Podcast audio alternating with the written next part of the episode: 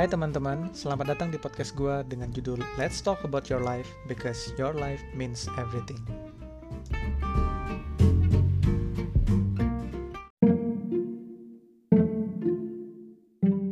Halo pendengar podcast Muhammad Hafiz semuanya Balik lagi ke podcast gue dengan podcast Let's Talk About Your Life Because Your Life Means Everything sudah lama nggak bikin podcast dan baru-baru kali ini karena sedikit sibuk akhir-akhir ini.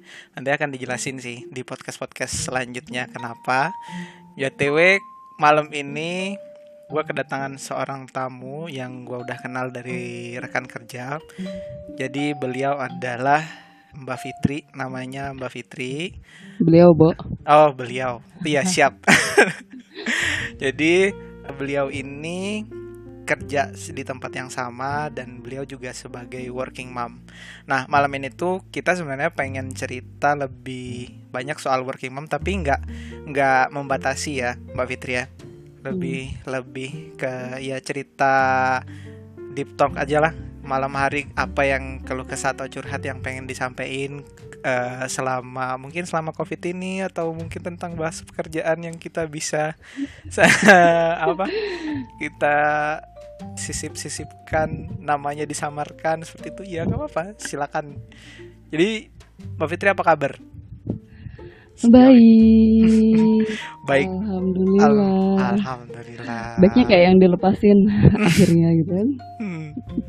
padahal itu podcastnya yang awalnya dari minggu kapan direncanain kapan mulai dari yang janjian jam 9 jam 10 oh ya besok akhirnya baru terjalin malam ini Iya. Macam orang sibuk ya kan? Wih, memang sibuk sekali kan. Gak bisa. Nih guys, teman-teman pendengar kalau mau tahu tentang hebatnya seorang working mom dan pekerjaan harus mencontoh beliau ini karena split waktu antara keluarga, kerja dan semuanya tertata secara rapi, bener nggak, Pak? Atau salah? Nggak juga sih. Aduh. Jadi sok pertama dulu deh. Ini selama WFH kira-kira Mbak Fitri merasa nyaman gak sih kerja di rumah atau lebih mending kerja di kantor sebenarnya? Ada nyaman gak nyaman sih ya. Nyamannya karena kita ketemu anak terus. Hmm. Kalau aku kan kalau nggak pandemi kan kebanyakan LDR kan sama anak sama iya. suami. Yeah. Hmm.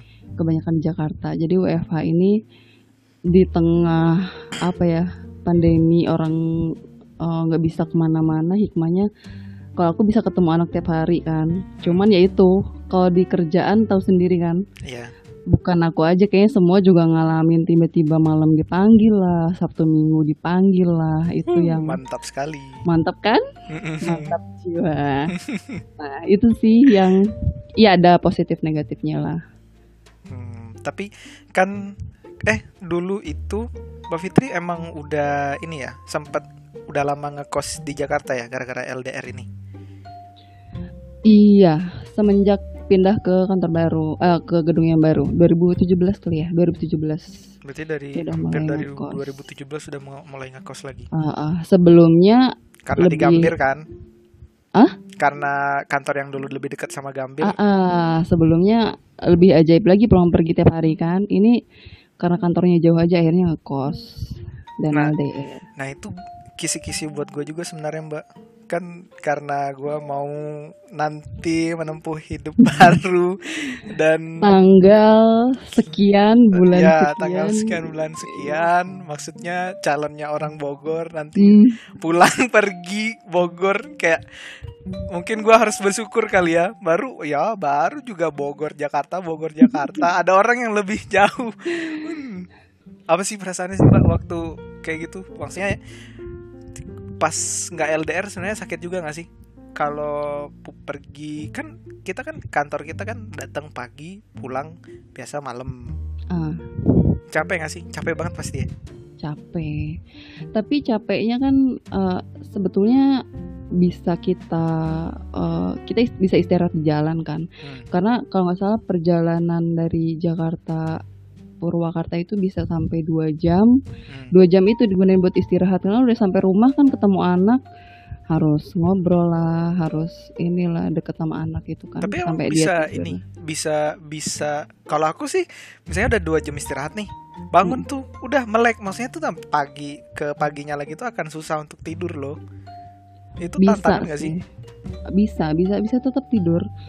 Cuman kan tidur pun eh, dan kita jadi akhirnya terpaksa harus tidur karena jatah tidurnya pun berkurang kan jatah Hmm. tidur yang benar-benar berkualitasnya kan berkurang nyampe rumah jam 10 atau jam 11 malam harus eh, bareng anak dulu ya minimal sejam ya kalau dia belum tidur terus kita tidur jam 3 bangun lagi siap-siap ke kantor lagi Jam jadi tiga Iya, jadi tiga jam itu bener-bener yang harus tidur.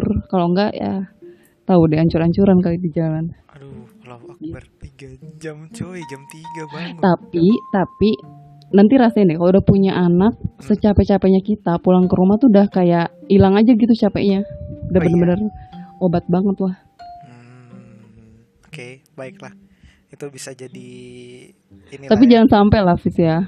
Kalian jangan sampai kayak gitu lah ya. Enggak lah, maksudnya ya diusahakan maksudnya dicari tempat terdekat, misalnya tempat tinggal terdekat buat ya ketemu keluarga, jangan terlalu jauh lah Iya, maksudnya. atau nanti gue buka cabang OJK Bogor lah ya. Oh jangan, jangan gitu dong. Aduh saya tidak mau dipindahkan dari pusat, malah saya pengen di pusat aja. Oh oke, masih Oh, di iya. tempat yang sama. Oke. Oh bukan, enggak enggak enggak. Maksudnya ya saya terbuka di satker mana pun. Oke, oke. Aduh ini kenapa sih kita jadi ya intinya pokoknya setelah melihat maksudnya tuh kan ya ada orang seperti Mbak Fit yang tahan pulang ke Purwakarta berjam-jam ngelihat eh, apa kan nggak nggak semua orang tahan kan eh, kondisi seperti itu dan bahkan Mbak Fitri sendiri kan akhirnya waktu kantor pindah nggak di Jakarta Pusat lagi kan harus ngekos gitu Iya, heeh. tapi untungnya itu juga bersamaan dengan dulu kan bener-bener aku maksa harus pulang pergi karena masih menyusui juga kan. Oh Jadi iya, bener-bener pengen kalau bisa full deh walaupun gue kerja misalkan pulang malam jauh-jauh yang penting pulang ketemu anak gitu. Karena umur-umur segitu kan bonding sama orang tua dibutuhin banget kan gitu. iya sih nggak kebayang aja sih seumuran ya itu kan masih bayi ya sampai umur Hmm. 2 atau tiga tahun bangun tidur dia nggak ketemu emaknya gitu kan Iya. rasanya kayak apa gitu aku tuh masih masih bertanya-tanya soal gimana sih ketika waktu Gavin dulu kecil yang masih bayi. Kan Mbak Fit berarti kan dari dulu emang kantornya di pusat Jakarta kan? Ya nah waktu melahirkan dia lah pertama kali itu gimana tuh mengorbankan waktunya itu? Untuk kerja ya? Hmm.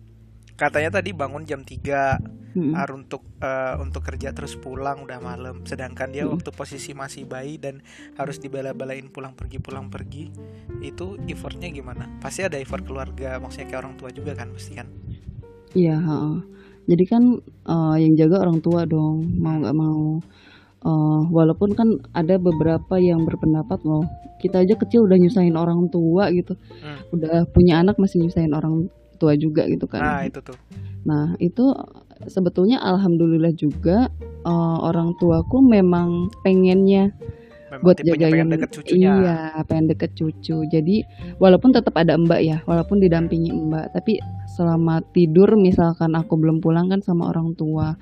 Dan eh, itu jadi jadi memang eh, yang berkorban karena keputusan aku itu yang berkorban kan bukan hanya aku akhirnya kan orang tuaku juga itu lumayan bagi aku dan bagi orang tuaku juga lumayan eh, untuk bagi-bagi waktunya.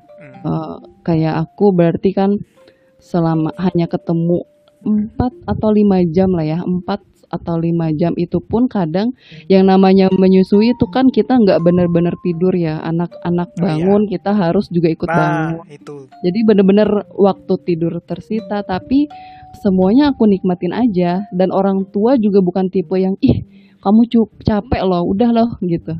Orang tua yang tipe ngedukung ya udah bisa masih bisa kan gitu. Apalagi kalau dalam kondisi uh, aku sehat ya. Hmm. jadi benar-benar mendukung iya kuat bisa gitu. Sama-sama saling inilah nggak ada yang saling uh, bikin kita jadi apa putus asa. Ih udah loh kamu capek loh kayak gitu udah loh gitu. Nggak nggak kayak gitu. Karena benar-benar yang sangat support banget jadi gak berasa lah dinikmatin semuanya. Tapi aku tuh jujur aja ngelihat adikku yang udah punya anak yang Hmm. ketika balik gitu ngeliat dia dia nggak kerja malahan dia nyusuin anaknya tiap hari. Misalnya pagi sore mandiin lagi terus nanti belum dia kalau pup gitu harus dibersihin. Itu maksudnya ma- masih umur umur yang 4 bulan lima bulan yang lagi rewel rewelnya tuh kayak gitu. Kita aja aku aja yang sebagai om nih perannya yang maksudnya eh, adikku bilang bang tolong dong jagain dia bentar misalnya kayak gitu. Kalau aku lagi pulang ke rumah yang di Palembang. Mm. itu tuh pas ngejagain eh, anaknya itu kayak aku udah mulai mikir aduh kok capek ya? Oh di kita ya baru nggak baru ngasuh sebentar dong. Nah, bagaimana cerita maksudnya cerita Mbak Fitri yang bilang oh ya udah bisa disupport kayak gitu. Itu kan artinya pengorbanannya tuh itu nggak sedikit. Dan kalau aku nih jujur ya kalau aku jadi Mbak Fitri dengan tekanan di kantor apalagi misalnya uh apa nggak meledak tiap hari? Kalau misalnya orang ada yang ngajakin debat ya kan Iya. yang kayak kayak gitu tuh maksudnya ngatasinnya gimana sih kan orang pasti akan bertanya nih yang yang cewek-cewek yang belum nikah yang ngedengerin podcast ini pasti mikir karena kemarin tuh di eh, kan bikin eh, apa ya istilahnya Bik- bukan kuesioner sih apa sih yang di Google eh di Instagram itu Apa? yang question pertanyaan itu Ah, kira-kira ah. kira-kira topik yang mau dibahas apa nah itu working mom itu beberapa orang beberapa cewek sih nanya bilang bang ini bagus deh kayaknya. Diangkat deh topik yang kayak gini. Nah ini mungkin kayaknya salah satu pertanyaan ini bisa jadi pertanyaan kunci. Gimana sih cara meng apa ya menghilangkan rasa capek menghilangkan eh, apa ya istilahnya kor kalau orang bilang yang kamu korbankan demi pekerjaan dan keluarga itu adalah suatu nilai yang berharga dan worth it kamu lakukan tuh Mm-mm. gimana caranya caranya Iya. Sebetulnya kan kita kerja bukan berarti kita apa ya egois, Mm-mm. mementingkan pekerjaan daripada keluarga. Iya. Eh, masalah capek nih, kita bilang Ah. masalah capek dulu. Kamu bisa bayangin kakakmu seperti itu, berarti seharian jangankan orang yang eh, ini ya orang yang eh, Kerja. kerja gitu ya, orang yang di rumah itu dari dia bang, ya aku ngerasain sekarang ya waktu pandemi karena di rumah terus dari bangun tidur sampai dia eh, tidur lagi itu capeknya luar biasa karena yang diurus anak, suami, gimana makannya, mandinya, segala macam itu dipikirin kan. Ada di kepala semua itu pasti capeknya kayak apa. Nah, kebayang lagi kalau dia kerja gitu. Ya. Eh, cara cara kita ngebagi waktunya itu yang perlu harus pintar-pintar. Kalau aku beda kan. Eh, eh, kita bicara bukan pandemi ya. Kalau kita bukan pandemi, kondisi normal lah ya ya kondisi normal itu aku beda dari working mom yang lain. Kenapa beda? Karena eh, LDR juga gitu. Ketemu anak itu hanya Minggu. eh, dalam satu minggu tuh kita ketemu cuma tiga hari. Empat hari aku di Jakarta, ya kan. Hmm, Beda lagi nanti yang working momnya dia tiap hari ketemu anak. Jadi gimana dia bisa apa ya kalau eh, switch role yang di kantor dia sebagai eh, pekerja, misalkan dia apalagi harus mengelola tim, ada tekanan dari bos, pulang ke rumah dia harus ganti peran sebagai ibu, itu kan luar biasa cara dia mengelola emosinya ya. ya emosinya itu. Nah, itu itu yang eh, sekarang aku rasain. Karena WFH otomatis di rumah kita kerja eh, sebagai pekerja yang harus menyelesaikan pekerjaan yang dituntut ya tau lah ya tuntutannya kayak apa. Sementara di rumah pula kita harus eh, mikirin anak. Anak gue nih eh, sekolah online kan. PR-nya udah belum ya? Dia udah makan belum ya? Iya, dia udah mandi belum ya? Lu dia kira-kira kenyang nggak ya? Dia cukup nggak ya tidurnya? Nah, itu rasanya memang bener-bener susah banget buat ngebagi itu. Cuman ya itu karena kalau aku tipenya eh apa ya namanya di eh, semua itu direncanakan gitu, Fis. Kayak kerjaan, kayak kerjaan. Mungkin kalau kamu bisa tanya eh, teman-temanmu ya yang di timku itu sampai aku bikin worksheet apa aja yang harus dikerjakan harus targetnya harus selesai apa eh, targetnya harus selesai kapan itu aku aku pasti aku plan termasuk di rumah jadi kayak dalam satu minggu ini nih dalam satu minggu ke depan eh, jam segini anak gue harus ngapain jam segini anak gue harus ngapain itu ada karena kalau enggak aku keteteran aku pusing sendiri gitu hmm, berarti memang apa ya uh, memang orang Mbak Fitri tipe yang memang harus ada plan A, plan B, plan Betul. C kalau misalnya di rumah ya. gitu. Jadi ketika aku kerja, aku harus memastikan anakku uh, menjalankan plan yang sudah aku uh, buat gitu. Karena kalau enggak hmm, itu di di apa mastiin dia ngejalanin plannya di telepon gitu di, ditanyain. Enggak, ini uh, ini aku bicara kalau WFH. Oh, enggak. Hmm. Uh -uh. Jadi bener-bener yang harus mastiin itu. Nah di kantor uh, dalam kondisi normal hmm. itu berlaku sama, cuman nanti aku telepon malam. Jadi oh, iya kayak sih. aku sering lihat kalau Mbak Fitri belum pulang tuh suka nelpon nelponin anak. Iya, itu aku mastiin hari ini kamu udah uh, eh, ABCD belum gitu ya yang udah aku ini. Dan uh, kalau misalkan ada yang lewat aja itu stresnya minta ampun. Jadi Maksudnya, kayak kita ngerasa gimana? misalkan nih hari ini dia harusnya uh, apa ya hal yang sepele misalkan tidur lah ya tidur siang. Dia harusnya hari ini tidur siang uh, ternyata meleset gitu. Pas aku telepon tidur siang nggak tadi? Enggak soalnya main. Itu aku bisa yang kepikiran kayak apa gitu. Karena dan bisa sampai ngerasa bersalah gitu loh Fis. Karena kembali lagi kita kadang berada di lingkungan yang tidak semua support ibu kerja, ibu bekerja gitu. Kan. Iya. Jadi itu kadang menjadi tekanan kita ketika ada ada sesuatu yang nggak sesuai dengan yang seharusnya itu bisa jadi kita merasa bersama bersalah gitu. Ya Allah harusnya kalau gue di rumah nih kayak gini bisa nih. Dan diperparah oleh apa ya kondisi gue yang kalau apa pun tuh harus sesuai dengan rencana yang gue targetin gitu loh. Hmm, paham paham jadi bikin stres sendiri bikin pusing sendiri. jadi gedek gitu. sendiri ya sebenarnya kalau misalnya Ih, uh, kenapa sih nggak tapi maksudnya kan gini itu kan hal sepele tuh.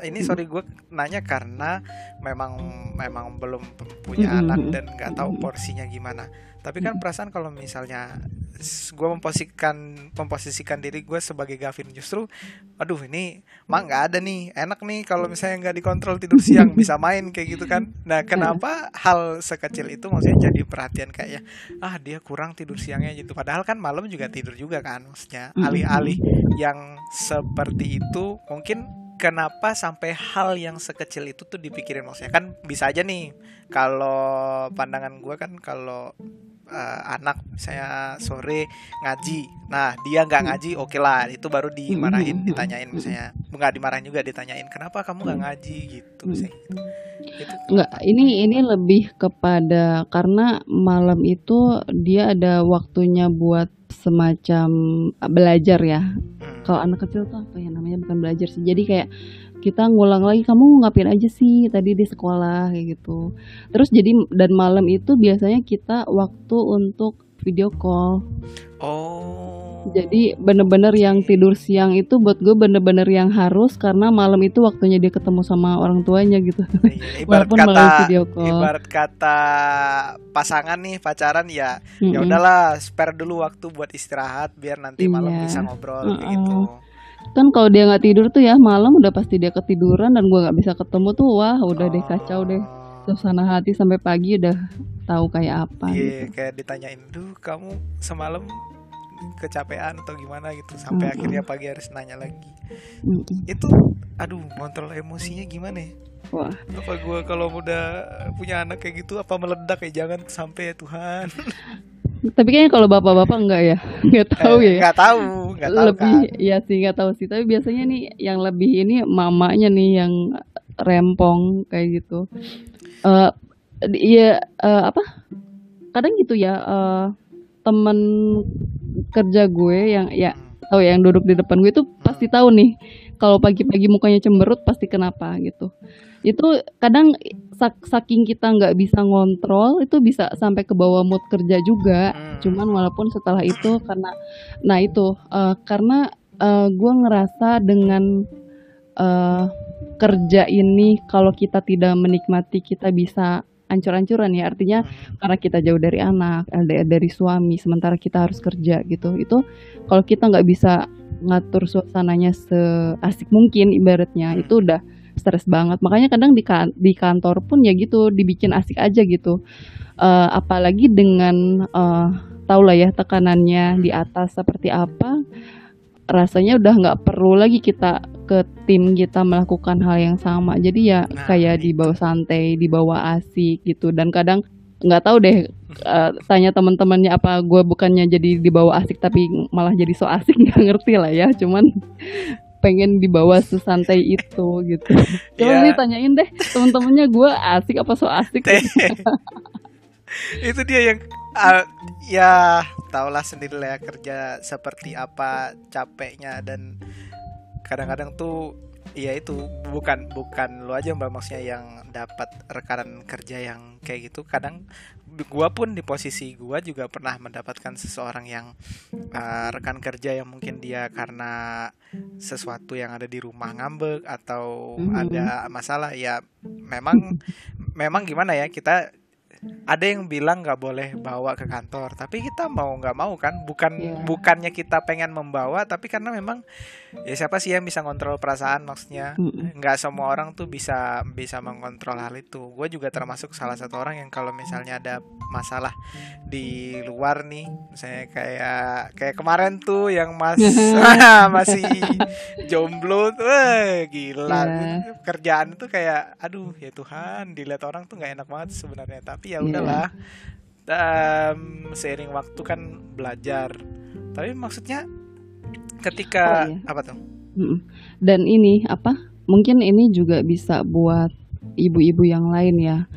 Uh, kan sebetulnya mungkin uh, kalau Hafiz belum sampai tahu ke sana ya karena belum berumah tangga. Uh, tapi aku nggak yakin juga sih kalau udah berumah tangga tahu kan ini lebih ke apa ya sekitaran cewek lah ya sekitaran emak-emak gitu sekarang itu masih zaman loh ada di di media sosial yang saling nyinyir, saling bully antara ibu yang rumah tangga, ibu rumah tangga dia bilang bahwa ibu bekerja nggak peduli anaknya atau sebaliknya ibu bekerja dia bilang ibu rumah tangga itu nggak bisa ngapa-ngapain kayak gitu gitu. Nah, nah itu lu tipe tersindir nggak kalau di Nah itu sempat dulu ini ini yang yang memang sampai sekarang ya suka jadi pembahasan antara ibu-ibu entah itu yang mereka kerja atau enggak ya. Jadi ini yang perlu uh, penting bagi semua kita harus sama-sama saling support entah itu dia ibu bekerja atau dia uh, ibu rumah tangga. Karena uh, kita nggak bisa nyamain misalkan gue ngerasa uh, kalau udah nikah itu bagusnya kerja gitu. Gue nggak bisa nyamain ke semua orang orang pun harus seperti itu gitu. Dan nggak bisa juga dibilang gue kerja karena suami gue nggak kaya misalkan ya. Nia Ramadhani aja yang suaminya kaya dia tetap kerja loh. Karena apa? Mungkin karena passionnya dia kerja. Ya, benar, jadi benar. jadi kita nggak bisa melihat dan menyamaratakan bahwa si A itu salah seharusnya B, oh, iya. si B itu salah seharusnya A. Karena masing-masing itu kita punya punya persepsi lah ya punya persepsi, punya pertimbangan, dan kembali lagi takdirnya mungkin seperti itu. Yang bisa kita lakuin apa? Kita harus saling support. Aku pernah, jadi ngomongnya gua, gua iya, aku iya ya. Jadi uh, pernah dulu temen istri dari teman kantor, uh, dia sempat update update status yang isinya isinya kayak gini, apa? Heran sama istri yang bekerja apalagi uh, lebih milih LDR daripada dekat sama suaminya. Egois banget dan nggak tahu nanti pertanggungjawabannya sama Allah kayak apa. Hmm.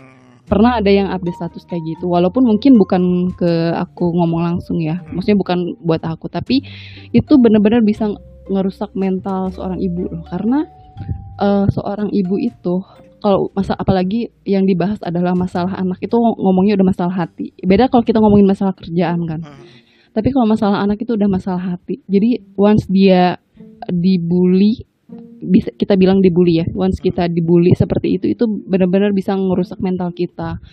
Misalkan ada seorang ibu bilang kayak gitu ya itu ibu yang bekerja bas, pasti akan timbul rasa bersalahnya dia sama anak. Padahal nggak secara dia, langsung ya disinggung. iya mm -mm, bikin dia merasa bersalah sama anak jadi insecure terus bikin dia kerjanya nggak bisa optimal ya kan sementara dia digaji kan memang untuk bekerja gitu untuk menyelesaikan pekerjaan gitu nah itu yang sama sa, uh, sama halnya uh, ini uh, biar nggak berat sebelah sama halnya ketika uh, kita uh, ngebully ibu yang diam di rumah gitu. Ya. Padahal mungkin pilihannya dia seperti itu uh, bukan berarti misalkan dia sudah ditopang hidupnya oleh suami tapi karena dia melihat anak gitu ya. Yeah. dia benar-benar punya hati yang ah aku nggak tega deh buat kerja. Nah, itu pilihan-pilihan setiap orang yang kita nggak bisa masuk ke dalamnya untuk ikut campur.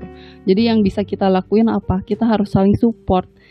Karena yang aku rasain juga misalkan nih pernah aku dulu pernah apa ya kereta. Kereta ada gangguan terus jam setengah 12 malam masih digambir terus uh, ada yang baca statusku dia ibu yang bukan bekerja lah ya ibu rumah tangga. Terus dia bilang semangat mbak.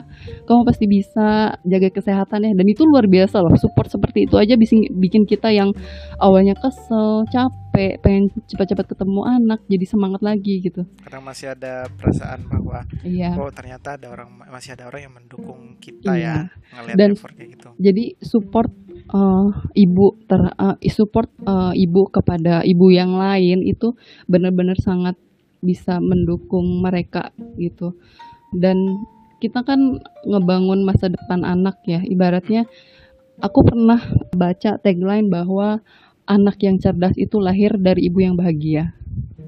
Jadi artinya berarti kita harus bisa jadi ibu yang bahagia biar anak-anak kita cerdas nah sekarang kalau misalkan nggak perlu jauh-jauh dengan support aja kan kita bi bisa bahagia ya. Ibaratnya nggak ada bully-bully lah. Ya. nggak ada bully-bully.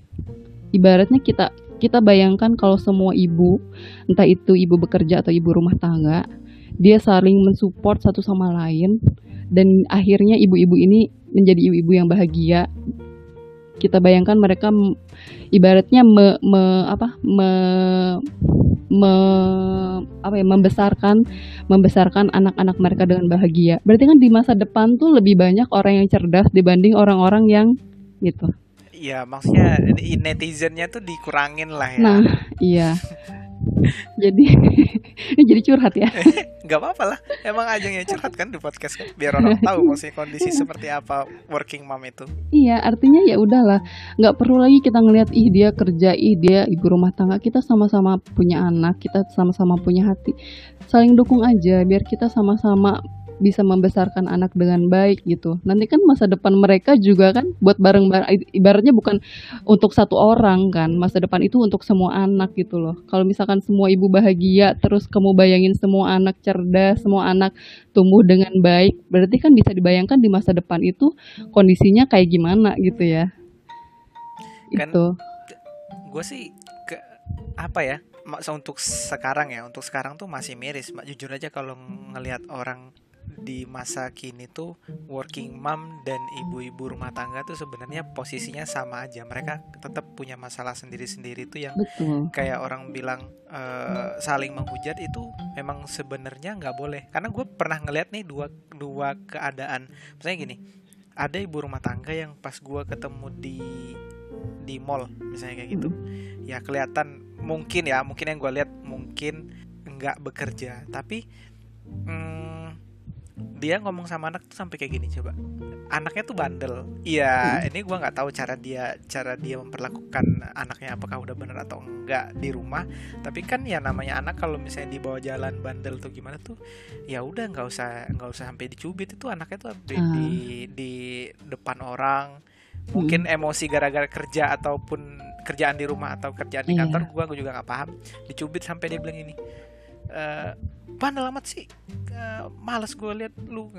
Oh bisa gue telan aja. yeah. gue lu balik lagi wah itu di depan mm. di depan orang. Itu case pertama mbak. Itu yang yang mungkin nggak bisa menyam melampiaskan emosinya dengan baik. Itu yang kedua yang nangis. Temen gue ada yang istilahnya nih gue nggak tahu istilah ini ter sering terdengar atau enggak disebut sebagai mama perah itu yang kerjanya tuh di kantor mulu yang sampai pakai alat pumping bahkan lagi yeah. rapat juga pakai alat pumping terus pumping terus tiada duanya sampai kapan juga kan cuman ya itu kerjaannya karena dia teman gue ini dia profit oriented uh, kerjaannya bukan pemerintahan. Jadi hmm. memang dituntut sampai malam juga mbak dari pagi sampai malam dia kerja balik. Ya itu pulang-pulang tuh kayak bawain kantong asinya kayak gitu. Terus anaknya udah tidur pulang eh, apa besok lagi berangkat lagi. Dan kadang-kadang dia eh, kalau apa dia sempat cerita bahwa ya kayak gini lah Fis kondisinya. Bisa aja bikin hati sedih tiba-tiba. Dan nggak ada sebab maksudnya kayak kayak duh kenapa sih kerjaan gue cuman gini doang tiap hari terus gue jadi mama pera terus pulang tuh kayak gue tuh nyetor bensin doang kayak gitu. Nah dia bilang dia bilang kayak gitu kan. Gue malah prihatinnya tuh kenapa kenapa orang-orang itu nggak bisa menyadari gini loh. Kalau kalau memang sudah tahu itu batasnya ya kenapa nggak dicoba harus cari solusi yang lain. Kayak tadi kan contohnya yang marahin anak di di depan umum. Menurut gue nih ya gue kan belum menikah mau menikah tapi belum belum punya anak kan maksudnya. Yeah. Jadi gue akan tahu dulu nih bayangan masa sih sampai segitunya nam apa sih yang, mem yang membuat seseorang tuh bisa sampai seemosi itu. Harusnya dia pelajarin pelajarin lagi dong diri dia. Kenapa dia sampai seemosi itu? Masa sih itu darah daging sendiri sampai segitunya terus juga kayak yang mama pernah itu kayak ya udahlah kalau misalnya memang udah resiko memilih bekerja ya kan? Toh kayak hmm. posisinya kayak mbak Fitri apalagi eh, itu dia nggak pulangnya jauh-jauh. Apalagi kalau pulangnya jauh apa nggak tambah nangis apa nggak tambah stres mental gue sih jujur aja kalau gue yang jadi di posisi mbak Fitri apalagi udah deh gue akan menyerah kayak ah nggak bisa nih gue nggak bisa jauh-jauh. Antara gue berhenti bekerja sama gue akan mencari posisi tempat tinggal yang lebih deket gitu loh. Kalau gue ya hmm. ini kalau gue ya gue nggak tahu orang lain seperti apa tapi gue akan bersikap seperti itu. Kalau lu dari dari case dua ini tanggapan lo apa pak sebetulnya ya dari dua case itu uh, sekolah apa uh, jadi orang tua itu nggak ada sekolahnya Fis. Nggak ada sekolah umumnya ya yeah, kecuali yeah, yeah. misalkan lo mau ngambil kelas parenting ya. Oh. artinya apa kita sekolah 4 tahun itu misalkan lo jurusan IT ya belajar IT. Ya. Setelah setelah lo kuliah, terus lo kerja, abis kerja lo target nikah, terus nikah, punya anak. Pernah nggak disekolahin gini loh cara ngurus anak? Gak ada kan? Gak ada, gak nah, itu nggak ada sekolahnya. Memang mungkin uh, karena nggak ada sekolahnya itu jadi orang me mengeluarkan emosinya dia dengan segala uh, kecapeannya dia, keresahannya dia, ya bisa beda bisa beda-beda gitu. Ada yang satu dia akhirnya jadi emosi sama anaknya, mungkin karena dia nggak bisa ngatur emosinya, mungkin dia ada masalah yang nggak nggak bisa diluapkan gitu, makanya seperti itu.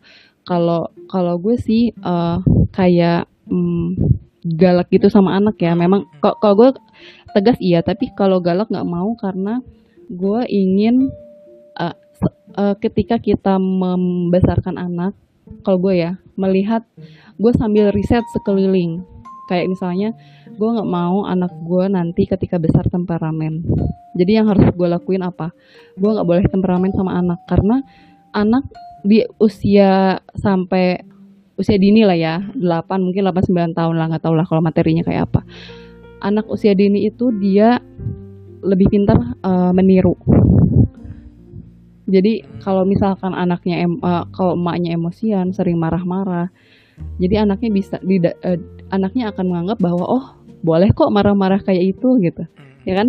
Dia mencontoh akhirnya di dewasa nanti dia dia bisa jadi temperamen. Ini karena aku riset ya maksudnya riset sekeliling gitu. Jadi ketika gue ingin anak gue tumbuh jadi anak yang tidak temperamen nantinya maka yang gue lakukan ini bukan berarti gue udah ngelakuin itu ya ini gue uh, ini uh, gue juga usaha gitu. Maka yang gue lakukan adalah gue berusaha untuk tidak menjadi orang temperamen di depan dia. Terus ketika gue ingin anak gue nggak jadi pembohong uh, besarnya nanti maka yang harus gue lakukan adalah gue harus berusaha menjadi orang tua yang tidak membohongi anak. Karena kalau misalnya kita bohong atau bukan membohongi anak lah atau berbohong di depan anak gitu ya hmm karena kalau kita bohong, anak kita bisa pikir, oh boleh tuh berbohong gitu kan. Hmm. Oh berarti nggak apa-apa dong kalau bohong gitu. Jadi itu kadang gue mikir ya kalau misalkan udah capek banget gitu, terus uh, anak kita misalkan nakal gitu ya, hmm. langsung ini aja di dalam hati oh nggak boleh ke temperamen nanti kalau temperamen anaknya kan ngikutin ya ngomong aja baik-baik gitu itu kalau dari gue tapi kan setiap orang beda-beda ya mungkin nanti kalau yang denger eh, yang denger podcast ini bilang loh lu nggak tahu aja masalah gue seberat apa gitu kan Ya, bisa jadi ya sih. kembali lagi itu tergantung kita mengelola emosi dan tergantung kita pengennya anak kita nanti besarnya mau kayak apa Tapi tapi gue dulu kecil kayak gitu loh mbak. Maksudnya Hmm. gue nggak menyalahkan orang tua ya. Tapi Iya. gue akhirnya mengerti ketika ya ketika dewasa. Maksudnya kayak dulu tuh misalnya bilang ke ibu minta gue dulu minta ke ibu minta beliin PlayStation kalau nggak salah. Hmm. itu masih kecil banget dan uh, bu beliin PS dong itu di rumah orang udah ada PS kayak gitu. Nah yang gua nggak paham adalah gua minta di depan orang. Nah mungkin gua ya kan gua bukan terlahir di keluarga yang menengah ke atas maksudnya yang bera- berada tapi ya udah nggak nggak yang wah gitu. Ketika ibu bilang udah nanti dibeliin tenang aja kayak gitu ya kita pulang dulu kayak gitu ya biasa kan suka ada kan orang tua yang kayak gitu Hmm. yang suka ngejanjiin tapi nanti nggak dibeliin kayak gitu. Iya. Padahal untuk beberapa anak nih nggak tahu kalau anak zaman sekarang apakah bisa ngadepin yang kayak kayak gitu atau enggak. Tapi kalau di Hmm. zaman dulu kayaknya mentalnya masih pada keras sih. Hmm. Gua gua dulu termasuk yang sakit hati ketika nggak dibeliin, nangis lah kayak yang ngambek-ngambekan gitu, ring-ringan di rumah. Tapi ternyata pas udah gede gua merasa bahwa oh iya ya sebenarnya orang tua tuh bukan nggak mau beliin karena memang lagi perlu buat yang lain aja. Jadi itu itu sebenarnya hal yang normal. Cuman cara menghadapi hal seperti itu tuh mungkin bisa di handle dengan cara iya tanpa berbohong. Tapi nggak tahu juga kita apakah memang berbohong itu diniatkan untuk ya udahlah daripada panjang lebar di depan orang merengek nih Iya. anak ya udahlah dibohongin aja dulu gitu. Hmm. Nah itu yang sampai sekarang gue sampai berpikir bahwa apa ya, ad- apakah nanti akan ada positif negatifnya ataukah ada plus minusnya ketika kita melakukan hal yang menurut kita kayak Mbak Fitri bilang tadi, eh, ya udah sebisa mungkin gue nggak akan bohong di depan anak, gue akan jujur apa adanya. Tapi apakah dengan kejujuran itu dia siap menerima atau apa pun itu dia sakit hati atau enggak, kita nggak tahu kan. Nah itu tadi kalau di gue hmm, it- itu tadi kalau kalau yang posisi si orang tua yang Iya. marah-marah ya. Ah, ah. Nah kalau Ya ada yang plus minusnya emang. hmm, kalau yang si case mama perah tadi, Oh iya. ini yang berkaitan dengan lu banget nih mbak. Kalau misalnya pasti orang-orang akan bertanya-tanya nih, oh gimana nih cara si ibu satu ini yang jauh dari rumah, terus dia menghadapi hanya bersedikit waktunya ketemu anak Hmm. Nang, ah, pasti eh nggak tahu ya? Nggak mau bilang pasti deh pasti. Bahkan kok pasti lagi sih? Ada kalanya nggak sih orang itu untuk merasakan kayak nangis ya Allah ini gini banget ya hidup gue maksudnya untuk ketemu anak aja. Eh tapi gue ini gue penasaran mbak dari dulu ya dari dulu dari dulu gue penasaran banget. Kenapa sih lu nggak pindah dari Purwakarta? Itu aja. Nah, itu gue masih eh, sampai sekarang. pindah kerjanya kan? Pindah kerjanya atau pindah rumahnya? pindah rumah ya lah mas pindah kerja Kalau kalau pindah rumah misalkan boyong keluarga ke Jakarta, Hmm. gue eh, ada tiga atau empat kali pengalaman buruk dengan pengasuh anak. Jadi gue nggak pede buat bawa anak ke Jakarta dan ninggalin dia sama pengasuh gitu. Beda halnya kalau misalkan dia didampingin orang tua ya. ya Itu satu. Kedua, kayaknya nih, aduh ini sensor jangan ya. gue nggak punya cita-cita untuk stay di Jakarta. Artinya opsinya Hmm. kalau disuruh milih, gue mending pindah Bandung kerjanya. Oh gitu. Jadi halo bapak-bapak, ibu-ibu pimpinan di sana, tolong approve ya. Saya pengen pindah ke Bandung please. Jadi ada lah ya. eh, Hmm. eh, tujuan ke arah sana ada. gue sama suami punya tujuan untuk akhirnya pindah ke Bandung. Cuman saat ini sedang ikhtiar menuju ke sana gitu. Hmm. Gitu. Bro, em, gua nggak tahu sih Purwakarta emang lebih dekat ke Bandung ya. Kan suami tinggal di Bandung. Oh. Iya iya. iya. Jadi ini LDR-nya bertiga, Fis. Oh my god, Su- suami tuh kerja di Bandung maksudnya? Suami di Bandung, gue di Jakarta, anak di Purwakarta. Gila. Tuh teman-teman pendengar, kalau anda masih merasakan bahwa, duh hidup gua susah, Anda dengar podcast ini, Anda resapi dan Anda harus tahu bahwa ada yang lebih susah daripada Anda. Dan Anda harus tahu bahwa uang itu bukan segalanya. Iya kan? Mohon maaf saya yang di podcast saya ini uh, ibu ini kalau uang tuh bukan masalah lagi. Masa ya alhamdulillah deh. Iya iya iya iya. Ya kan saya cuma mengatakan bahwa yeah. uang itu bukan jadi masalah. Nah, mm -hmm. tapi ya itu tadi masalah orang itu nggak nggak apa ya dibilang nggak punya duit eh, nggak uh, masalah itu salah. Dibilang punya duit tapi nggak punya masalah juga salah. Jadi bagi-bagilah. Ya uh, harusnya punya duit nggak punya masalah ya kan? Ya betul. Kalau itu gue merasakan sedikit sudah mulai merasakan ya saat ini. Maksudnya dulu ini eh, gue cerita sedikit. Waktu zaman gua dulu masih nyari kerja tuh mbak lama banget cari kerja tuh kayak mikir ya Allah gini amat ya maksudnya nggak ada duit tuh masalah gede. Ternyata pas setelah punya duit itu akan dikasih lagi maksudnya cobaan yang lain kan. Ya kayak ya, misalnya mau nikah betul. ini mau nikah tinggalnya di mana ntar. Terus uh, apa nanti kalau mau ngasuh anak gimana? Sebenarnya itu yang kayak kayak gitu tuh gue pernah dengar siapa ngomongnya? Ya itu tuh tinggal di lu aja vis tinggal di pemikiran lu aja kalau misalnya lu mau menganggap hmm, itu masalah ya akan jadi masalah. Tapi kalau lu menganggap ya udah ikutin aja itu namanya juga hidup lu dikasih kayak gini ya harusnya bersyukur. Karena ini prinsip yang selalu gue pegang tapi sering lupa mbak. Sering banget lupa. Hmm kayak lu dengar cerita lu yang uh, suami di Bandung, lu nya di Jakarta, anak di hmm. Purwakarta bertiga kayak gitu.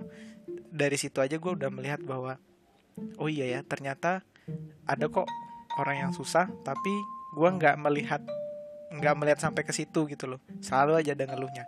Tapi juga di posisi lu yang ngeluh misalnya nih misalnya ya gue nggak tahu lu pernah mengeluh kesahkan soal kondisi ini atau enggak tapi menurut gue kalau lu nanti berkeluh kesah pasti kita tuh lupa bahwa di bawah kita tuh sebenarnya ada yang ada yang lebih susah gitu loh. Gue sering ngomong sama orang sama teman gue nih. Apalagi teman-teman di kantor nih yang kadang suka nangis ya. Partner kerja gue yang kadang misalnya suka nangis suka ngomong kenapa sih kerjaan gini banget? Gue bilang eh nanti dulu. Dari terlepas dari semua masalah yang kita hadapin gue bilang tuh di bawah kolong jembatan tuh masih ada orang yang susah cari Betul. makan ya jadi kalau lu misalnya masih ada pekerjaan masih dikasih cobaan dengan jarak jauh mungkin lu dikasih cobaan dengan cicilan rumah super gede misalnya mungkin lu dikasih masalah dengan perjombloan yang tidak berkesudahan kayak gitu kan. Ya udahlah nikmatin aja. Tapi jujur tapi gue jujur mbak itu semua kalau misalnya dihadapin ada kalanya enak gitu loh. Maksudnya gimana ya? Nggak jelasinnya ketika itu dicoba diikhlasin tuh ketika kita berkaca iya nggak jadi beban. Ya sulit sih dipercaya kan kadang-kadang. Ya ya uh, uh, betul. Kita dikasih satu nikmat ada juga cobaannya kan. Jadi ya. biar kita nggak jadi pongah lah ya biar kita tuh bersyukur. Karena kalau melihat orang lain ada yang lebih ini dari kita kan. Ya hmm. aku pun sama. Kalau kan suka suka ngomong sendiri maksudnya yang ngelihat diri sendiri lah ya. Hmm. misalkan nih di kantor ngelihat orang yang temanku aja. Temen belakang duduk di belakang tuh si Mbak M. Itu kan tiap pulang diantar sama suaminya. Oh iya Apa, bertolak belakang jemput, sekali ya seperti kan? ya. Antar jemput pulang uh, antar jemput diantar suaminya. Aku pernah mbak yuk ikut nebeng itu tuh aku kadang nggak mau suka nolak. Kenapa? Karena ngelihat pernah tuh satu waktu aku ikut dia yuk mbak bareng gitu. Ah terus pisah kan sama suaminya kan turun di lobi terus dia cium tangan. Itu tuh aja udah bikin wah nggak mau seharian gitu.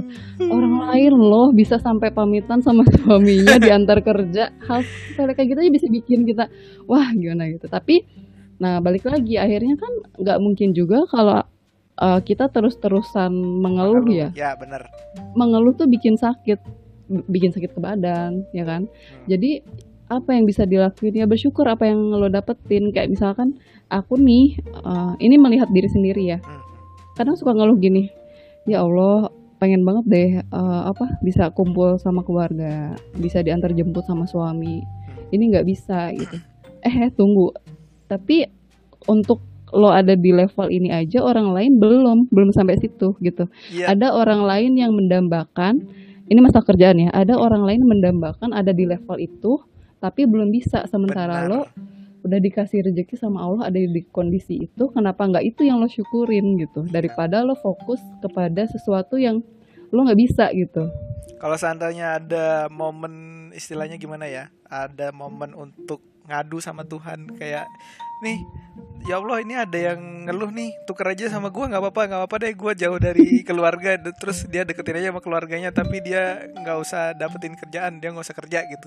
Kan kita pasti juga aduh ketakutin juga ya. Aduh iya, gimana dong pekerjaan kita kalau diambil orang kayak gitu? Iya atau jangan gitu deh. Kita ngeluh buat diri sendiri ya misalkan ya Allah gue nih apa sih hmm. gue ya Allah gue pengen dong de deket sama keluarga gue gitu. Hmm. terus Allah paling bilang gini gak tahu diri lo lo udah dikasih enak kerja kayak gitu kok nggak ada yang lo, syukurin gitu malah minta yang lain gitu. Nah Ma ya kan? Artinya ya udah syukurin aja apa yang kita punya. Walaupun memang pasti ya manusiawi lah kita kadang ada sedihnya ada galaunya. Itu sesuatu yang dinikmatin aja.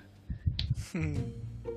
tadi gue pas uh, lo bilang yang apa di level nggak tahu bersyukur udah apa untuk di level lu yang uh, udah berkeluarga itu gue tadi ngiranya membandingkannya bukan dengan bukan dengan pekerjaannya gue kira tadi hmm. membandingkan dengan orang tuh lihat tuh orang yang jomblo belum menikah contohnya kayak gue. tadinya mau gitu itu gue kalau kalau dibandingin kayak itu tuh sebenarnya itu masuk akal loh bagi maksudnya tuh ada orang yang udah menikah tuh dibandingnya dengan orang yang nggak LDR hmm. contohnya oh, iya, ya tapi yang di bawah lu ngebandingin kayak gue ngebandinginnya dengan lu aduh enak banget ya Mbak Fitri udah hmm. nikah gitu teleponan hmm. sama anak gue kapan ya jangan kan punya anak punya yang tempat untuk buat anaknya aja belum ada.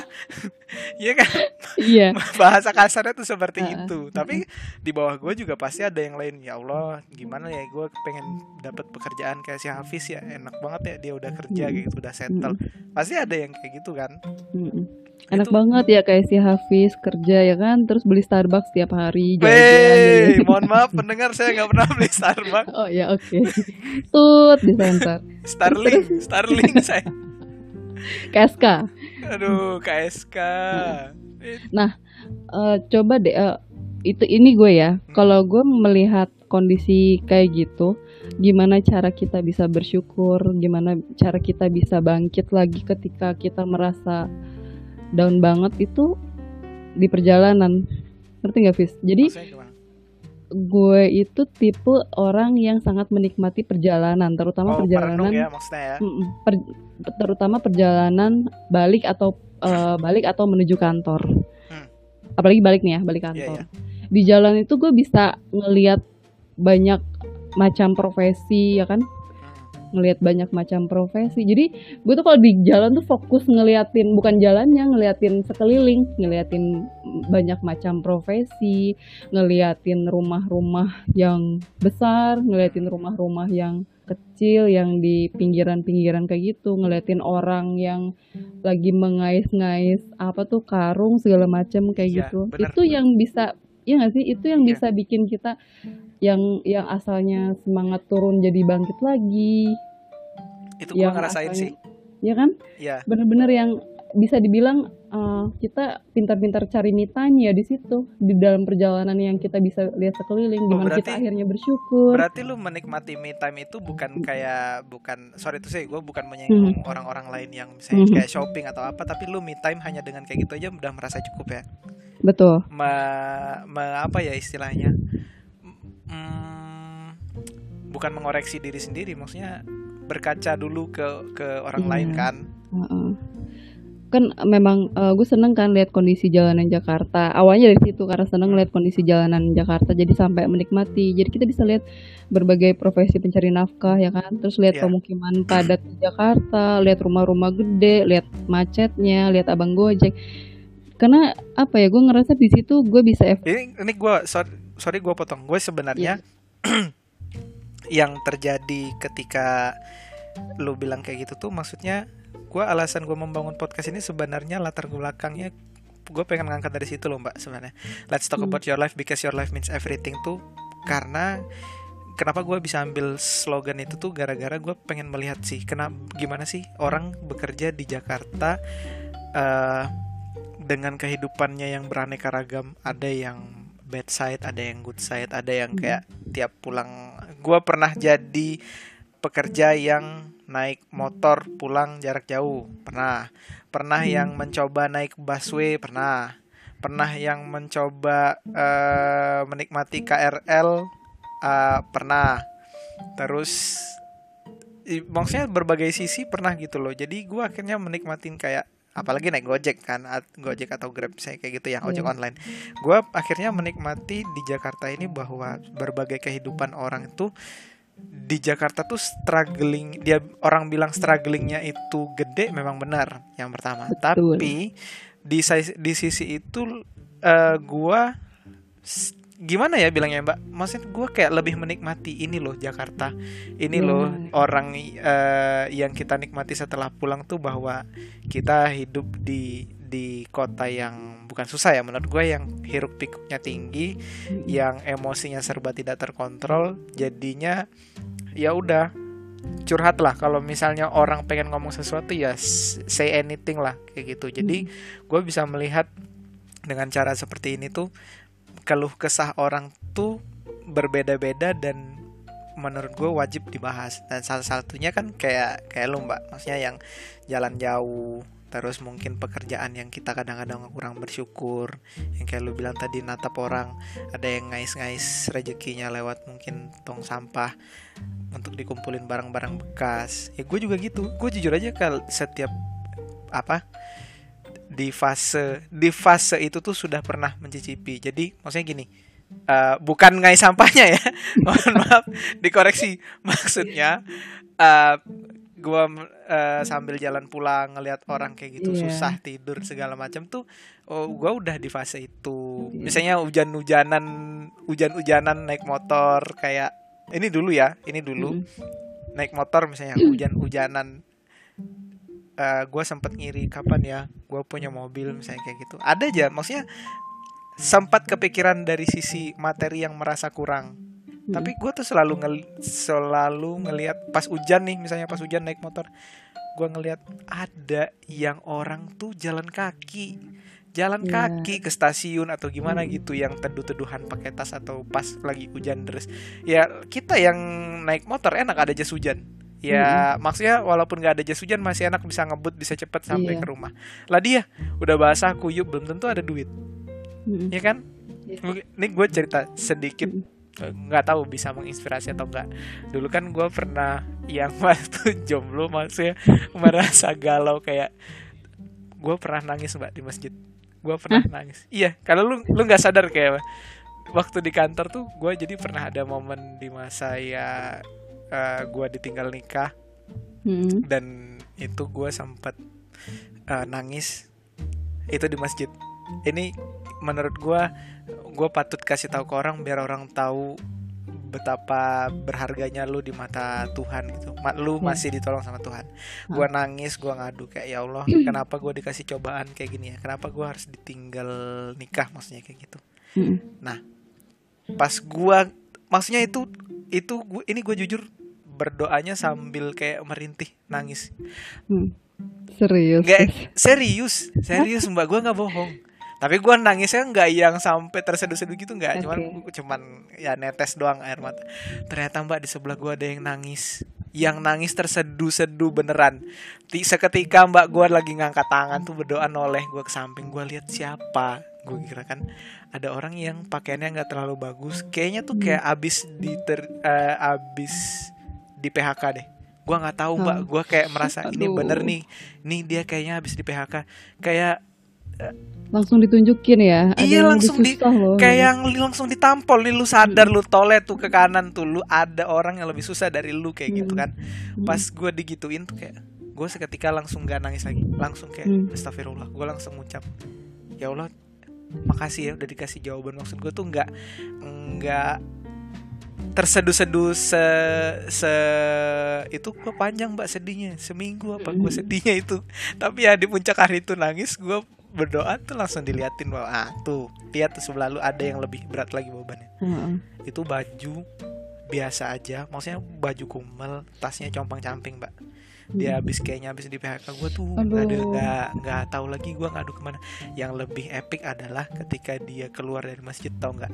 Dia masih nyumbang mbak ke kotak amal itu. Gue aduh gue rasa ditampol mbak. Kayak maksudnya tuh Hafiz lu ke mana aja lu masih ada pekerjaan. Lihat orang yang di PHK aja dia masih bisa eh, menata hati masih bisa be- merelakan dirinya untuk ngasih ke kotak amal itu hati lu tuh ke mana? Maksudnya gitu. Oh dari dari hari itu mbak. Dari hari itu beneran gue akhirnya belajar bahwa ya udah apa pun cobaan yang ada di depan nggak usah pernah merasa berat.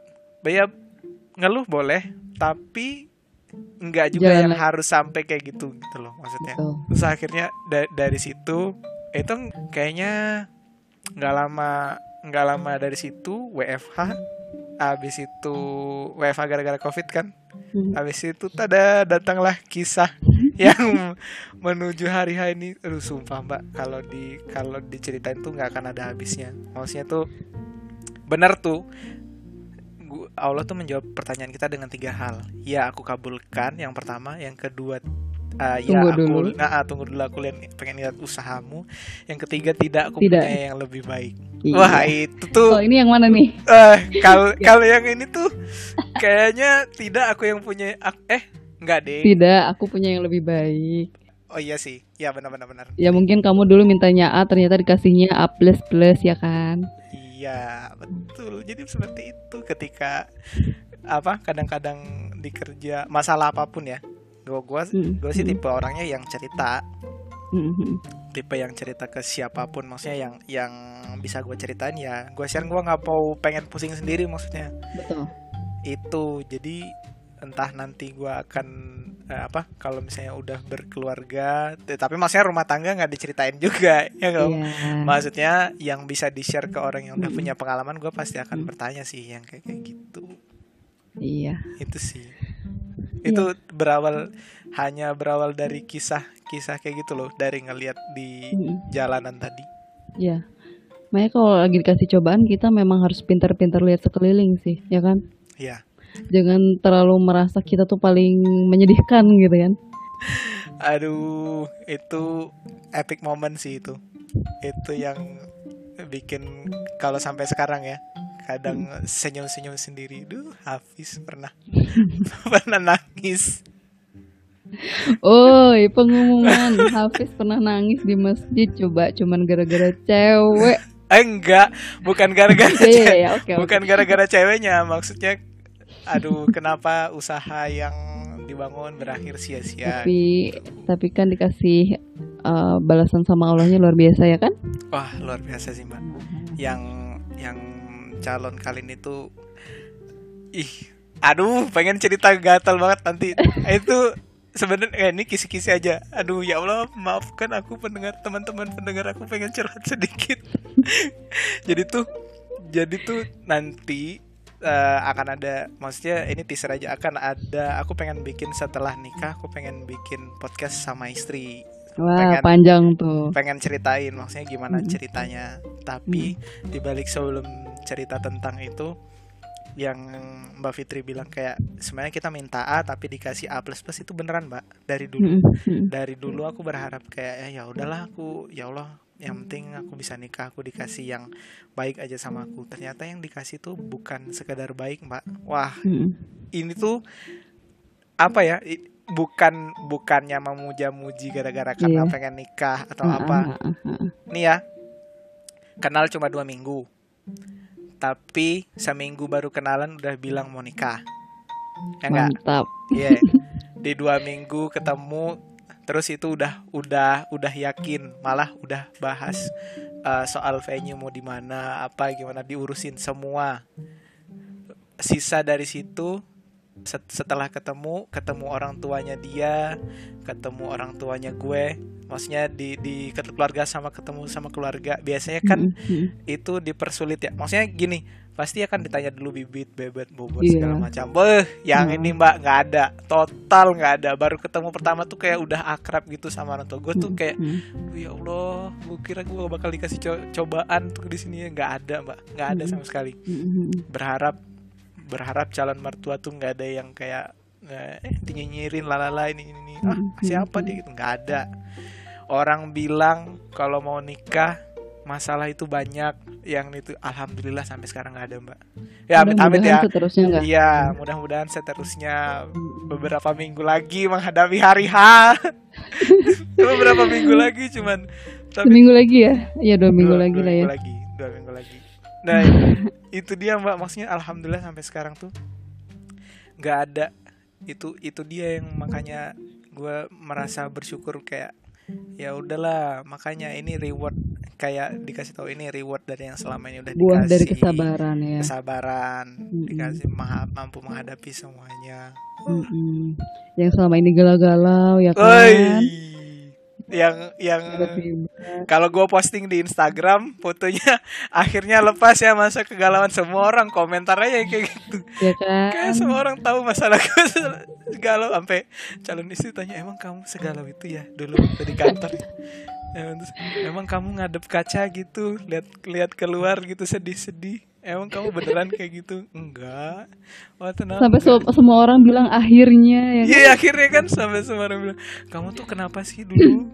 Kok kamu di sampai semua orang komentar kayak gitu sih kamu semenyedihkan itu ya Aduh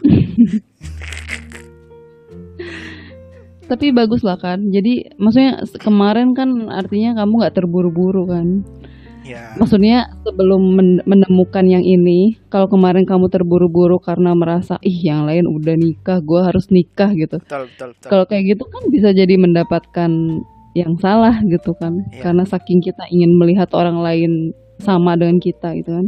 Kalau ini kan dengan kesabaran akhirnya dapet yang wow. Sangat sangat Bismillah mudah-mudahan terbaik. Amin. ya Gak ada. Ini ganti judul podcastnya deh. Hafiz menuju halal. Habis menuju halal. nanti tuh ini episode ini episode berapa ya?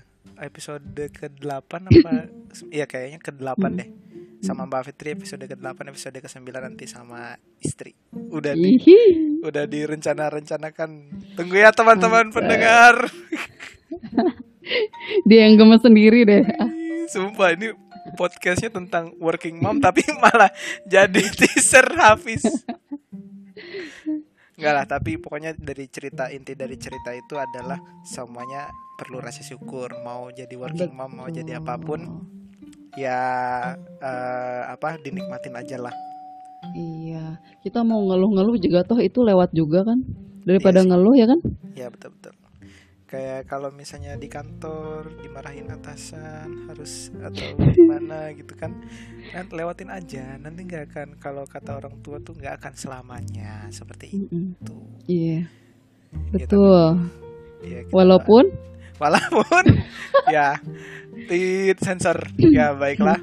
Teman-teman ya pokoknya siapa saja yang mendengarkan siapa tahu kan bapak-bapak pimpinan mendengarkan pak kita nggak ada maksud apa-apa. Enggak kok, itu sebetulnya kan eh, ada baiknya ke kita kan, buat ngelatih mental kita biar lebih kuat lagi ya kan. oke oke oke. Nih mbak Fitri nggak dibayar kan ngomong kayak gini kan? Ini ada sponsornya nih. aduh. Eh tenang aja lah. Kalau kalau intinya mau seberat apa pun masalah nggak usah dilihat eh, nggak usah dibanding bandingin dengan orang Betul. Tiap orang udah punya masalahnya masing-masing. Betul. Aduh, jadi kalau kalau untuk uh, masalah working mom ini Mbak Fitri biasanya curhat sama siapa? Curhat banyak sih, kayaknya gue juga tukang curhat deh. Jadi bisa lah ya berkali-kali center kita ada podcast lagi nggak ada tentang yang working mom ya atau yang lain bisa digaskan lah ya. Gasken lah. Hmm, Ya, kalau kalau kalau kita uh, working mom gak curhat kayaknya gila ya, bisa bisa stres gitu. Jadi curhat tuh memang suatu kewajiban.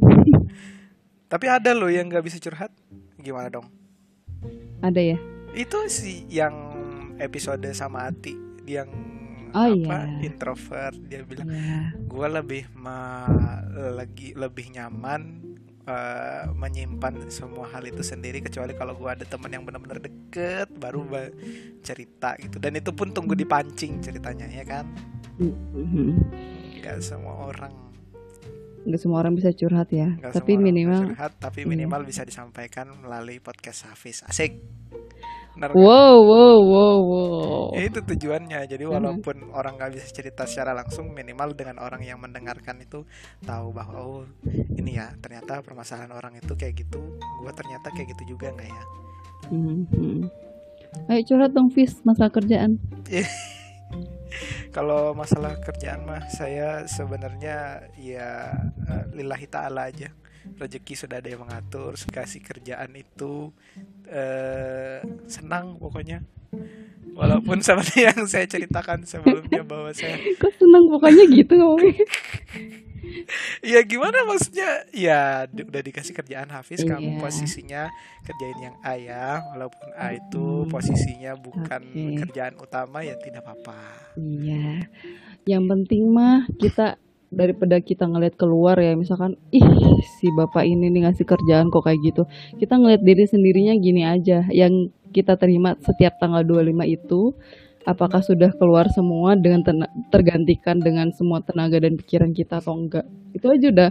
Kita fokusnya ke situ aja. Kalau misalkan ternyata kurang berarti kita harus lebih giat lagi kerja. Kalau lebih ya mudah-mudahan aja jadi pahala ya kan? Ya kadang-kadang gue juga merasanya merasa bersalahnya di situ mbak. Gue hmm. merasa berpikir bahwa aduh ini yang gue kerjain kayaknya sedikit deh. Kayaknya tapi, seperti itu. tapi bagus doh kalau misalkan ada perasaan kayak gitu kan kita jadi kerja lebih ya bukan berarti membenarkan bahwa kerja yang bagus tuh kerja yang keras itu kita harus lembur ya. Hmm. ya kan? Maksudnya dengan kita menyelesaikan pekerjaan kita kan udah dikasih tanggung jawab tupoksi kita apa dan kita menyelesaikan tupoksi kita aja artinya kan kita sudah mengganti uh, gaji yang uh, perusahaan bayarkan ke kita dengan tenaga dan pikiran kita gitu kan. Betul. Nggak perlu dengan ya bukan berarti bekerja itu harus dengan lembur gitu. Bukan bekerja harus seperti bagai kuda ya maksudnya. Ya. bagai kambing kayak bagai kelinci kayak gitu ganti istilah aja bu. Mohon maaf itu. Eh grup gue namanya kambing Fis. Oh, oh iya iya iya, iya. kalau di gue grupnya PT PT namanya. PT Hah? Quick Win Solusindo. Ya. Seriusan gitu? Iya. Iya. Quick win. Nah, solusi okay. yang cepat, solu win-win solution yang cepat ada di perusahaan kami. Silakan datang ke perusahaan kami. Karena perusahaan kami selalu serba bisa. Serba cepat. Serba ya kan? cepat. Serba Beres cepat apa, dimarahi. Bagus apa enggak? Lihat nanti. Ya itu. susah, susah sekali. Kadang-kadang saya suka curhat dengan ibu yang ada di bangku belakang ibu juga kadang-kadang itu setiap hmm. lagi rapat uh, Hafiz tolong itu uh, kameranya dibenarkan sedikit kadang-kadang. Tolong diperhatikan kalau bapak lagi ngomong gitu kan. Nanti jadi perhatian loh. Aduh. Iya. Awas ngomongnya ya jangan salah. Tolong. Iya iya iya. Ya kalau pekerjaan lah intinya seperti itu walaupun kita PT Quick Win Solusindo tetap harus dinikmati. Kan berbeda dengan grup kambing mungkin grup kambing kan punya ada derita sendiri gitu iya masing-masing kita punya derita tapi semoga kita bisa melaluinya aja lah ya. Ingat ingat tanggal 25 itu yang perlu kita pertanggungjawabkan. Tapi lu masih berharap berharap corona ini masih lama atau lu oh, berharap oh, cepat? Uh, lu pengen segera kumpul di kantor lagi nggak? Uh, ada kangennya sih, ada kangennya kumpul di kantor karena apalagi kalau dalam keadaan under pressure banyak kerjaan, target penyelesaian kayak gitu ya. Kalau di rumah kita stres tuh kadang gue takut kelampiasin ke anak gak sih? Jadi makanya sekarang ini kan gue lebih sering tiap pagi tuh sepedahan dulu. Itu kayak ngeluarin dulu. Karena hampir tiap hari, tiap malam tuh yang kita terima kan ya entah itu energi negatif atau karena kerjaan yang begitu banyaknya, tekanan yang begitu besarnya, yang bikin kita itu harus keluarin tiap hari gitu tiap pagi, yaitu dengan sepedahan. Jadi biar sampai rumah tuh udah plong udah happy jadi nggak ada pengaruh sama anak. Makanya mungkin ya itu kita butuh di kantor tuh ya kayak gitu. Jadi eh, kalaupun ada kita yang ngebayangin akhir tahun di kantor se stres apa pun kan apalagi kita pulang malam bisa yang bercanda-bercanda teriak-teriak nggak jelas ya kan itu kayak ngeluarin beban gak sih? Sekarang dan kondisi kayak gini ya mau nggak mau kan di rumah apa yang bisa kita Karena Handle, ya. sebenarnya sebenarnya akhirnya kita merasakan bahwa kita nggak ke kantor kesepian juga sih, ya ya kan? Ada ada butuh sosialisasi yang terjadi di kantor. betul. Iya itunya doang ya sosialisasi Ya ya ya ya ya. ya. Bukan bukan kerjaan atau dibentak-bentak, eh, enggak ya. tut Tidak kita tidak mengharapkan seperti itu. Enggak maksudnya kan tadi Iya. gue ceritanya apa eh, jangan sampai di kantor itu ada yang membentak-bentak seperti itu kan kalau di Iya. kantor kita kan nggak ada kita kan happy happy Nggak- nggak aja Eh, bersyukur sih, aku bersyukur sekali eh, di eh, kantor kita di lantai kita itu minimal tuh di di level teknisnya seberat apa pun kerjaan, sestres apa pun kita masih bisa ketawa-tawa nggak sih? hmm, Iya nggak sih? betul betul betul Yang tiba-tiba apa aja bisa kita nikmatin, misalkan eh, ada yang pulang duluan kita topokin bareng-bareng, Oh, yang ulang iya. tahun itu kan benar-benar yang minimal bisa ki- bikin kita lebih Mas- inilah di- masih masuk akal lah ya Iya, bagus nggak bridging gue? mantap mantap mantap tapi Tut. ada ka- tapi ada kalanya tiba-tiba dari senyum tiba-tiba jadi hening semua Betul. Itulah dinamika yang sangat dirindukan kadang-kadang. dirindukan Hmm. gue maafin tapi Dirindukannya ini quote and quote loh, nggak kelihatan oh, ya. oh iya iya iya benar benar benar maksudnya akhirnya mengadu lah ya Mhm. ngomong kalau eh apa maksudnya nggak semua pengalaman baik buruk itu juga eh, pengen dinikmatin yang buruknya tapi maksudnya oh iya ya aku gua pernah dimarahin di kantor oh gua pernah suasana tegang di kantor Heeh, tuh iya, nggak apa-apa lah itu nguji mental lah, Iya. biar mental kita bisa lebih kuat. Hmm, banyak yang bilang menguji mental kalau bersyukur yang penting itu tadi benar seperti Mbak Fitri bilang tanggal 25 ya Ya betul. Kalau tanggal 25 udah ceting bunyi SMS ah, udah Hmm. aman Udah itu aja yang diingat. tuh. Bukan matre ya, karena memang ya kita kerja buat perusahaan juga. Enggak lah. Karena itu istilah kerja matre kalau ya mungkin orang lain melihatnya seperti itu. Mhm. Tapi kan enggak Ini eh, Mbak Fitri untuk eh, mungkin udah satu jam kayak pasti ada akan Oh iya. akan ada inilah akan ada masa penutup dari sebuah podcast tapi sebelum gua tutup ada yang pengen disampaikan nggak dari hasil curahan hati malam ini atau pesan-pesan sebelum podcast berakhir buat para pendengar? Pesan kayak kayak gue paling bener aja ya. Enggak tapi Alah, tapi biasanya apa? kan ya? apa Biasa kan apa? biasanya gue untuk setiap uh, tamu iya. narsum podcast tuh gue bilangin itu terus pesan terakhir ada yang mau dikasih apa misalnya kayak gitu Mm-mm.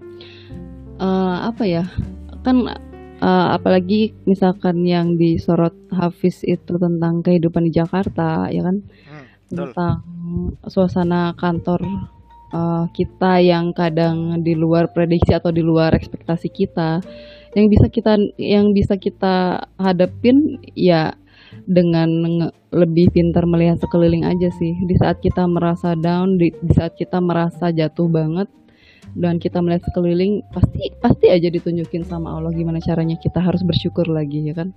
Betul betul. Pasti. Ya hmm, dihadapin aja. Soalnya eh, misalkan kita nggak mau melewatkan pun pasti terlewati juga gitu loh. Nggak nggak seketika ketika kita aduh nggak mau deh ngelewatin itu nggak mampu. Langsung berhenti waktunya kan enggak kan? Tetap Iya, jalan. jadi daripada dengan cara mengeluh ya kita nikmatin aja jalanin aja. Mau nggak mau ya kan? Betul.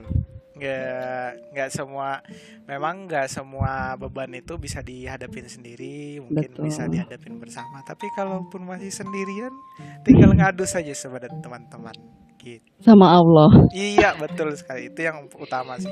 Iya, nanti sama Allah dikasih jodoh yang bagus lagi tuh kayak Hafiz kemarin kan? Alhamdulillah, alhamdulillah saya sudah diberikan orang yang tepat. Aduh. Oke deh kalau gitu makasih buat Mbak Fitri malam ini. Makasih juga buat teman-teman yang mau dengerin sam podcast kita sampai akhir. Semoga ya, semoga didengerin sampai akhir. Kalau ada kurangnya itu punyanya kita. Kalau lebih pasti bukan punya kita, pasti punya Allah. Yang penting lewat podcast malam ini semoga orang-orang yang mendengarkan itu yang nggak mau yang nggak berani cerita ataupun yang mungkin punya permasalahan yang sama bisa mendapatkan eh, sedikit inspirasi atau sedikit perspektif buat ke depannya melangkah bahwa oh ternyata ada yang lebih berat dari kita loh oh ternyata cara menghadapinya seperti ini oh ternyata eh, yang kita lakukan selama ini tuh sebenarnya udah pas tinggal dijalanin aja gitu. Oke deh, eh, tanpa panjang lebar lagi. eh, Oke, udah jam kasih. 9 malam, udah jam kita sudahi saja. Aduh, udah malam sekali nih. Tapi Iya. ya sekali lagi makasih buat Mbak Fitri eh, dan teman-teman semuanya yang mendengarkan. Eh, sampai di sini podcast kita. Nanti tunggu aja podcast-podcast selanjutnya. Semoga bermanfaat. Bye bye. Dadah. Bye bye, makasih.